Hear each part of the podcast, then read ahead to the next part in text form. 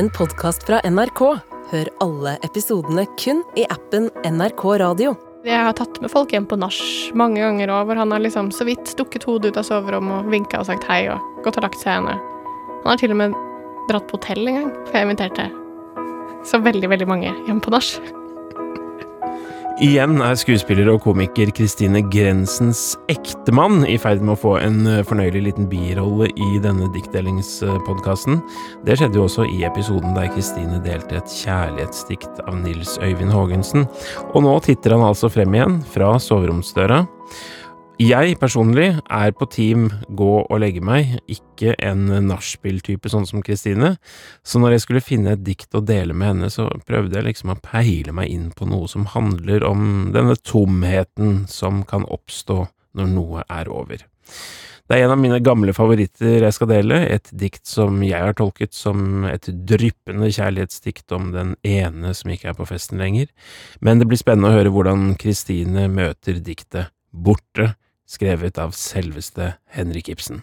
Jeg har alltid vært ganske glad i Ibsen. Jeg tror da jeg vokste opp, så ble jeg veldig fort introdusert til teater. Eh, fordi min far og min storesøster begynte i amatørteater eh, da jeg var liksom ett. Så da ble jeg jo med. Eh, så jeg har liksom vokst opp i amatørteatret. Men det var ikke så veldig mange andre på liksom akkurat min alder. Sånn at teater ble fort liksom en del av min uh, sterk identitetsskaper for meg. Eh, og spilte veldig mye teater sammen med folk som var ganske mye eldre enn meg. Masse pensjonister og eh, voksne mennesker. Og da tror jeg at jeg hadde et ganske sånn klassisk forhold. Så når vi begynte å skulle lære om Ibsen på skolen, så tror jeg at jeg visste på en måte at jeg skulle bli glad i det, mm. nesten. Eh, og oppdaget jo også ganske fort egentlig at uh, samtidsdiktet Ibsen er ganske lettleste. Eh, sånn at det var deilig å oppdage når man gikk på ungdomsskolen. At det er sånn Å ja, jeg kan være en som har lest flere av Ibsens samtidsdramaer. Det koste jeg meg veldig med å være. Og så syns jeg mye av det var eh, overraskende spennende. Og så falt jeg helt for Villanden. Det var min vei inn i å ja. eh, like Ibsen. Og så har jeg kost meg med veldig mye Ibsen siden det. Han er jo Syns jo han er irriterende tider òg, men jeg syns han skriver utrolig mye som er interessant og spennende, og er veldig, veldig glad i Hedda Gabler-karakteren. Eh, og blir veldig rørt av Per Gynt. Men at han har skrevet uh, dryppende kjærlighetsdikt, eller det kan jo handle om forskjellige ting, dette diktet her, da, men uh, det er det jeg har lyst til å, å teste ut litt uh, på deg nå. Et dikt som heter Borte, eller Borte, da. Ja. Det har jeg ikke hørt før, tror jeg. Jeg føler vi må kalle det Borte når det er, er Ibsen. Ok, Da leser jeg dette diktet som jeg har med til deg, Kristine, som er skrevet av Henrik Ibsen. da, Som i hvert fall jeg tolker veldig sånn i kjærlighetssammenheng. Jeg ser for meg meg selv i i yngre år være forelsket på fest, og oppdager at den jeg har hatt oppmerksomheten på hele tiden, plutselig har dratt hjem. Og skuffelsen, eh, mm. men også liksom den der sødmefylte gleden som dukker opp inni meg. Borte. Utropstegn, faktisk. Faen, det er litt gøy. Ja.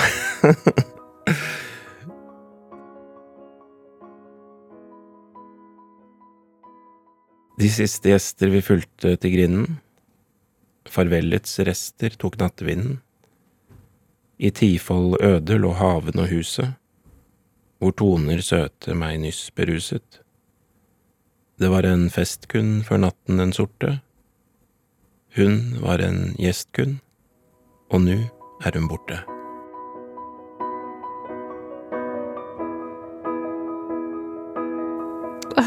Det syns jeg var veldig fint, det. Og jeg, jeg, jeg tror ikke jeg får så kjærlighets... Eller foreldre, min første tanke er ikke forelskelse, men bare sånn tristheten av at en fest eller et nach eller et besøk er over. Det syns jeg jeg får alltid sorg av det. Når folk går hjem. Eller når jeg må gå hjem. Så dette her, i ditt tilfelle, så Den derre gjesten som er borte, det er egentlig bare hvem som helst som var den som dro og gjorde at det ble litt mer trist. Uh, og, og, enda litt mer tydelig at festen var over. Det er det det handler om for deg, på en måte? Jeg tror jeg, eh, Det var i hvert fall min første følelse da jeg hørte det. At uh, Jeg syns det er Jeg tror at det er når folk sier sånn om hvis du er glad i hverdagen, så har du, har du løst livet. Jeg, jeg syns at uh, ikke hverdagen er så gøy. Jeg har kanskje ikke løst det livet helt. Så jeg syns at det er trist når festen er ferdig. Jeg syns det er den morsomste delen. Kan du bare si litt mer om sånn Hva har skjedd? Hvordan ender det på nachspiel? Hva har du gjort før? Tegne litt mer bilde av det nachspielet ditt. Ja, ne, jeg jobber jo på Det andre teatret, som er et uh, improteater som ligger på Torshov i Oslo. Eh, og der eh, Jeg spiller ikke nødvendigvis hver gang, men, men vi har forestillinger onsdag, torsdag, fredag, lørdag og ganske mange søndager. Eh, sånn at kvelden min begynner veldig ofte der. Det begynner med at jeg har spilt. Jeg har jo sånn adrenalin. Jeg spiller mange av de som eh, Altså, alle på Danneteatret teatret er jo liksom mine nærmeste venner. Så eh, blir, da blir vi sittende, tar noen øl først i baren der, er der til det stenger. Så går vi som regel videre et eller annet sted derfra. Litt sånn eh, mange som tenkte at de ikke skulle ut, men så går de ut likevel. Det er alltid veldig hyggelig. Plutselig er det sånn 'Jeg skal ut. Skal du ut?' Du ble jo aldri Å, da blir vi i hvert fall ut, liksom. Eh, så går vi videre et eller annet sted og eh, tar noen øl til, men særlig fordi at det er litt utafor Ring 2, så må du komme deg litt langt ned hvis du skal ned til de stedene som er opp til tre. Så særlig hvis vi ikke helt gidder det, men også noen ganger når vi gidder det, så er det veldig deilig med nach etterpå. Jeg inviterer ofte eh, hjem meg. Det er noen andre sånn litt faste nach-folk òg. Eh, og da eh, pleier vi å sette det man har av alkohol ut på bordet. Eh, som regel går det øl og vin. Eh, og så eh, Og så mister man eh, kontroll på tida. Det er jo fortsatt det jeg syns er det hyggeligste. At det ikke lenger er sånn derre Lyset går aldri på. Det er den vondeste følelsen på et utested. Når de begynner å skru på lyset fordi det er 20 minutter til de stenger, liksom. Det skjer jo ikke på nach. Og det syns jeg er veldig hyggelig. Og av og til så spiller vi brettspill. Så du kan leve deg litt inn i dette her farvelets rester tok nattevinden? Ja. Og så følge gjestene til grinda, det er vel ikke det? Ja, det er, ikke så... jo, men det er, jo, men det er det å følge dem til døra. Ja. Og så selv da så kan jeg liksom jeg kan, uh, Man kan jo bli stående i døra veldig, veldig lenge òg og si ha det, men, selv, men alt det er på en måte Da føler jeg meg litt sånn desperat i kroppen, for jeg vet at vi er i ferd med å gå. Er du sånn som prøver å overbevise folk om å bli lenger? Ja, jeg, jeg tror Nå er det sikkert noen som er uenige, som sitter og hører på, men jeg tror kanskje at jeg slutta å prøve å overtale veldig med ord. Men jeg prøver jo å skjenke det glasset ut og spørre, på en måte. Men lykkes det noen gang, egentlig? Blir det bra når man overbeviser noen om å, å bli litt lenger? Ja, det syns jeg. Og det funker noen ganger, ja? Ja, altså, det er ikke så veldig lenge siden jeg hadde noen som bare To venner som skulle komme over og drikke litt vin. Jeg tror de dro hjem halv fire. Det var en onsdag, liksom. Og det var jo ikke, det var jo ikke De kommer jo inn og sier sånn jeg, skal, jeg har et møte i morgen tidlig, så jeg kan ikke være så altfor lenge. Så blir det jo til halv fire, liksom. Hva slags følelse gir det, da, når man liksom har gått over den grensa der? Nei, faktisk da så fikk jeg det ikke med meg i det hele tatt. Eh, jeg, selv da jeg la meg, så sjekka jeg ikke klokka. Så var dagen etterpå det var det sånn Å, jeg la meg halv fire. Og jeg tenkte sånn Det, det hadde jeg ikke oversikt over. Men det syns jeg er utrolig deilig Hvordan er det mulig? da? Var. Du ble full, eller var det Nei, fordi at tida flyr, da, når man er i godt lag. Altså, du er ikke sånn type som sier 'Å nei, nå Å, herregud, nå er klokka blitt tre'. Ja, nå Altså, du, du bare lar det skje. Ja. Det høres jo helt herlig ut, da. Men jeg tror at det kan Altså, kjæresten min er ikke sånn. Nei. nei. Hvordan lever han med denne siden hos deg, da? Han er verdens mest tolerante menneske. Eh, så han bare går og legger seg når han eventuelt skulle bli lei. Jeg bare begynte å tenke på, det var litt mal apropos, men da etter at min eh, farmor døde, så ble huset hennes på bygda der, som var ved siden av mitt barndomshjem, eh, tomt. Så husker jeg inviterte til nyttårsaften i det huset, og da hadde min, hun, min farmor hadde jo sittet mye stille i en stol, og en klokke oppå veggen som tikket, og det var rolig der. Ja. Og så plutselig var det hele Alle disse menneskene på fest som sovnet overalt på diverse steder, og det var liksom lyder i det huset jeg aldri hadde hørt, og det var ganske ellevilt. ja. Og sikkert ditto tomt etterpå, da. Men synes du, likte du det? Ja, veldig. Ja. Så det var fantastisk. Ok, Kristine. Det ga litt mening. Altså, dette var jo historien om ditt liv, dette diktet av Henrik Ibsen, egentlig. Ja. Ja, ja.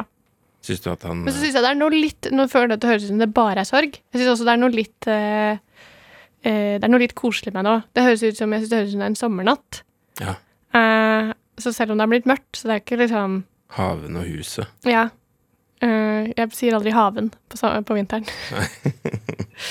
Eh, så det er noe, noe litt sånn Det er noe litt koselig med det òg. Og det er kanskje derfor jeg liker også veldig godt uh, enten at kjæresten min har vært oppe med meg helt til gjester drar, eller at hvis man er på et annet, annet sted, at jeg er på overnattingsbesøk eller har overnattingsbesøk. For da kan man liksom si ha det til noen sammen. Og så kan man debrife helt til man legger seg. Og det fikk jeg kanskje også litt følelsen av. At de sier ha det til noen. Ja. Det er ikke bare én. Nei, Så selv om det er trist, så kan man liksom de siste gjester. Det er liksom litt trist sammen. Kanskje man til og med tar siste halve glasset aleine etter at gjestene har gått. Og snakker om alt det det dumme, gøye alle sa. Og da blir jeg litt glad igjen. Det syns jeg høres hyggelig ut. Ja, men da, det, det kan være noe fint å, å sitte og debrife det som har vært. Det er det de gjør litt her. Ja. Så den hovedpersonen her kanskje har litt sånn ekstra tanke for én gjest på en eller annen måte, da. Ofte så Jeg får jo en tomhetsfølelse når folk går, men de er jo som regel ikke bare en gjest. Men det er jo litt den følelsen av eh, at noen går, eller at du selv går fra en fest hvor du tenker sånn her Den Dette kan Jeg kan ikke ringe de Eller denne følelsen kan ikke jeg skape igjen. Det er liksom bare uten min, utenfor min kontroll. Jeg hadde sjansen, og nå, nå er den borte. Og du vil at det skal vare så Jeg vil at det skal vare inn i evigheten. Og jo lenger det varer, jo vondere kommer morgenen etter til å bli. Så da har du jo fall Da har man jo i hvert fall ikke lyst til å skynde seg til det. Det er jo litt sånn Men du sier aldri Det kommer en dag i morgen òg. Nei, pluss at hvis jeg hadde hatt behov for å legge meg, så tror jeg bare hadde lagt meg. Selv om jeg var hjemme hos meg. Eller sovna på sofaen da, og hørt på lyden av alle som prater. Det elsker jeg jo. Ok, Kristin Grensen, takk for at du kom med den diktdelingspodkasten og kastet lys over eh, Henrik Ibsens dikt 'Borte' og gleden gledene ved nachspiel og, og fryden og gleden over eh, eh, mennesker som lager lyd nattestid. Det er jo du som skal æren for å kaste lys over diktet borte, da. Så kan jeg ta meg Ta æren for nachspiel-lyskastinga. Ok. Uh, en super skal lese diktet nå til slutt. Ja. Det kan jeg gjøre. De siste gjester vi fulgte til grinden. Farvellets rester tok nattevinden. I tifold øde lå haven og huset, hvor toner søte meg nyss beruste. Det var en fest kun, før natten den sorte. Hun var en gjest kun, og nå er hun borte.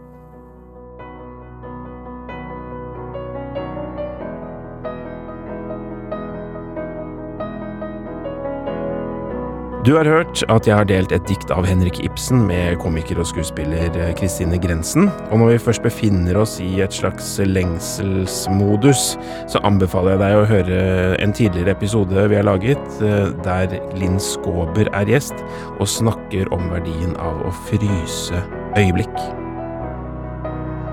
Denne podkasten er laget av meg, Hans Olav Brenner, Kristine Lossius Torin, Kevin Kwong Nguyen og prosjektleder Janne Kjellberg.